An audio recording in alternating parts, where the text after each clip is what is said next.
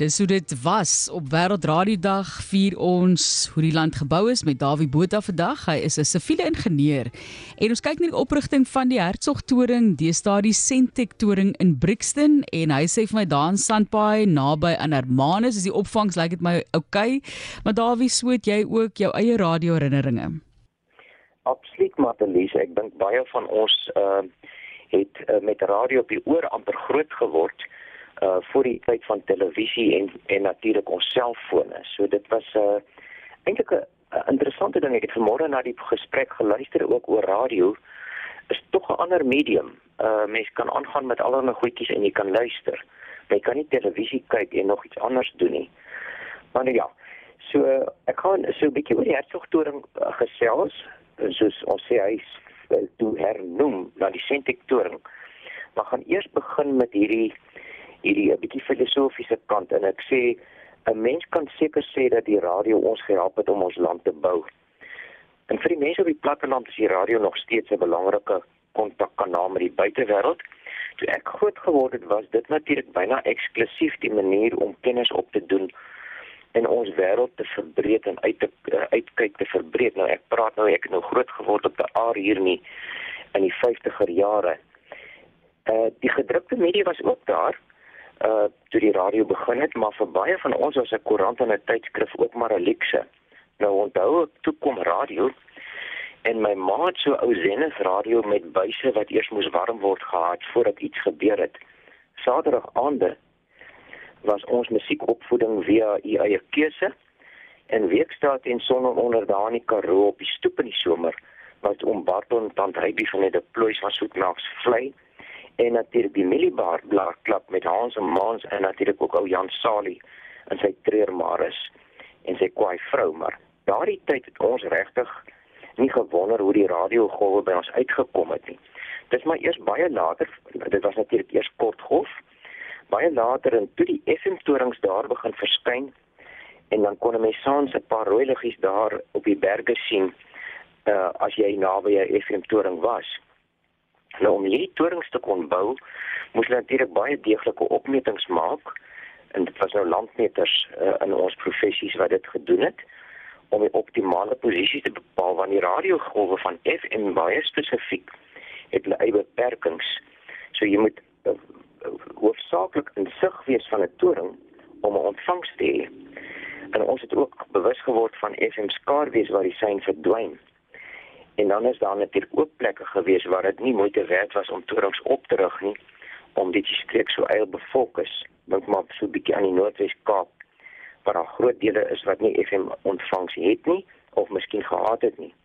En natuurlik het dit nou op 'n unieke manier gesorg dat daar 'n radio stilte gebied ontstaan het om dit so te stel. En nou word dit deur die uh, SKA nie meer teleskope en daai ruimtekenners en tegnologie word word benut.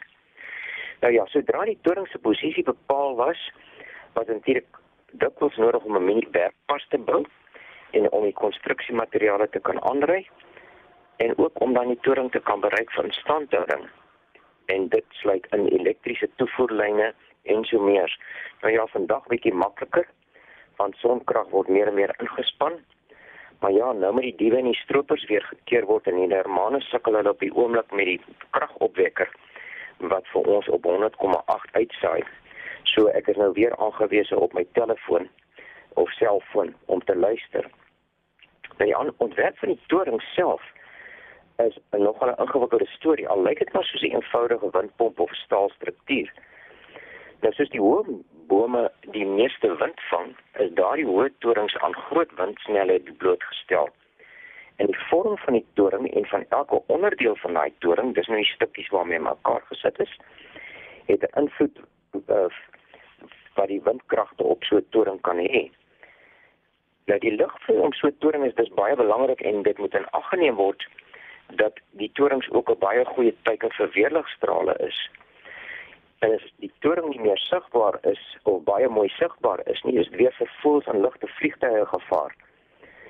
En interessant uh, dat ehm um, in die omgewingsingenieurswese probeer mense deesdae ook 'n bietjie werk aan dinge soos estetika en daar in in die Hoëveld uh word van Eskom se kragpale so kapie kleur geverf om minder opvallend te wees op die Hoëveldse grasvelde. Maar ek wil nou net so 'n bietjie hierdie kragte wat daar ehm uh, op sulke torings uh, ter sprake is vertel en vertel graag die storie van die pragtige sierlike hangbrug oor die Maasrivier in Rotterdam, bekend as die Swaan, omdat die kabels aan so 'n hoë geboue betonkolom vasgemaak is. Nou die vorm van die brug is daardie tyd deur 'n argitek ontwerp, maar die ingenieurs moes dit nou maak staan. En die dik kabels wat die brug in die lug hou is rond in deursnit en windkragte het hulle toe nou in ag geneem, maar toe kom die Europese winter en begin reën en die bietjies water wat om die kabels afloop verander toe die profiel of die deursnit van die kabels as mens so kan sê. En dis toe nou net daar waar die windkragte hou vas kry en hierdie kabels laat swaai. En toe begin daardie brug dit nou soos 'n pad op en af geloop. Nou die die die interessante en die lagwekkende een is en toe word professor Blaudraad aangestel van Delft Universiteit om hierdie probleem op te los. Nou, 'n van kan kwaliteit meer toepaslik wees vir al die by ons ons maak ons alles met Blaudraad reg. Nou baie geld en moeite later het hy die toeskokbrekers aan die kabels laat heg en so kon die Erasmusbrug toe kom meer. So om 'n radiotoring te bou is nie net sommer om 'n paar stukkies staal te vat aan mekaar te bou of te swys nie. Nou Johannesburg het ons daar twee baie bekende landmerke die uh ek gaan maar die Hertzogtoring sê en die Strydom toring. En die een is nou die Sentek en die ander is die Telkom toring. En hier word dan dankie vir Dr Kevin Wall, oud president van SAICI en hy is ook 'n ingenieur wat 'n stadsbeplanningsgraad agter sy naam het vir die inligting oor die hertsgtoring van daardie jare. So in Julie 1965, so dis 'n aanmuntige tyd gelede, verskyn daar toe 'n artikel in die Sashi tydskrif geskryf deur vier ingenieurs met die name Zoons, Louis, Louis en Isaacs. En dis slim ouens daai. Nou ek gaan daardie uh, artikel was so 27 bladsye, maar ek gaan nou so vandag en volgende week hopelik 'n bietjie vir julle vertel wat in daardie artikel verskyn het. Nou die SAIK het toe nou blykbaar in 36, nee, nie 36 tot stand gekom en hulle het bygehou by nuwe ontwikkelings soos die transistorradio wat rondom 50 die lig gesien het.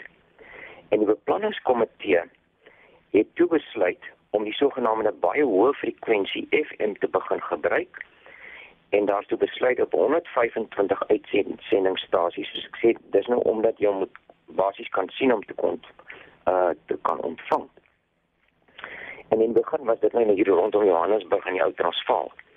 Dit is dit wat gebeur met politici wag hulle toe nou op tot op die laaste oomblik en dan verwag hulle natuurlik wonderwerke van die ingenieurs en so die minste 13 maande voordat die uitsendings moes begin. Eers die aankondigings gedoen en so was daar verskriklik min tyd om die toring te bou. Ek praat nou van die hertsog dan dink ons nie is aan die navorsing wat moes gebeur nie en die tenderprosesse en so meer en soos Kevin vir my gesê het die kennis oor windkragte was beperk op daardie stadium.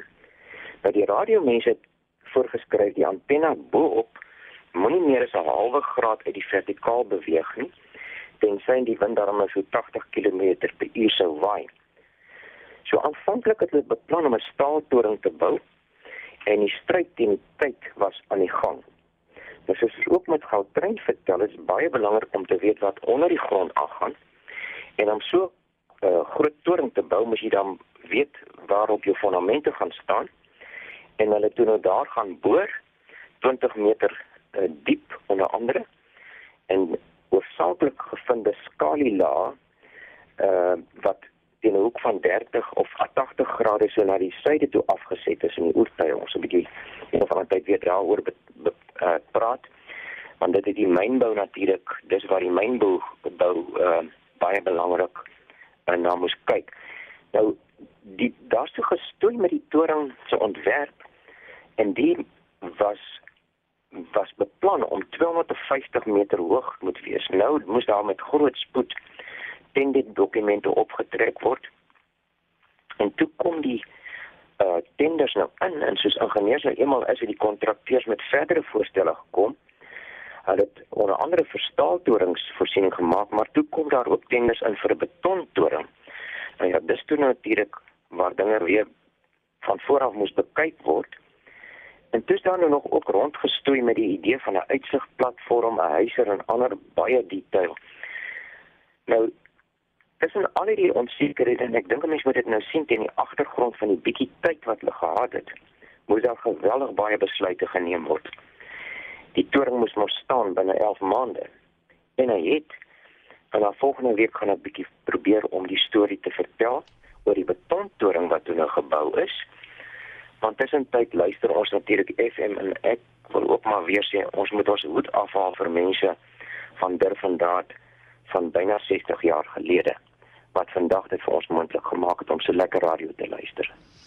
Inderdaad, ons haal ons hoed af. Ons sê vir jou ook baie dankie. Ons haal jou ons hoed vir jou ook af, Dawie, uh vir die inligting en die feit dat jy ook gaan opsoek, jy weet, en op hoogte bly ja. van studies en artikels wat geskryf word. Dawie Botha is 'n siviele ingenieur en heerlike dag verder daar op Sandbaai. Baie dankie. Op die Wêreldradiodag het hy gepraat oor die bou van die Hertsgtoring, toe nou deesdae die Sentek toring in Brixton. Baie dankie, Dawie Botha. Hy is onder andere 19 jaar die uitvoerende direkteur van die SA Instituut van Siviele Ingenieurswese en hy is tans mede-voorsitter van Proset, dis 'n onderafdeling van die Nasionale Wetenskap en Tegnologie Forum.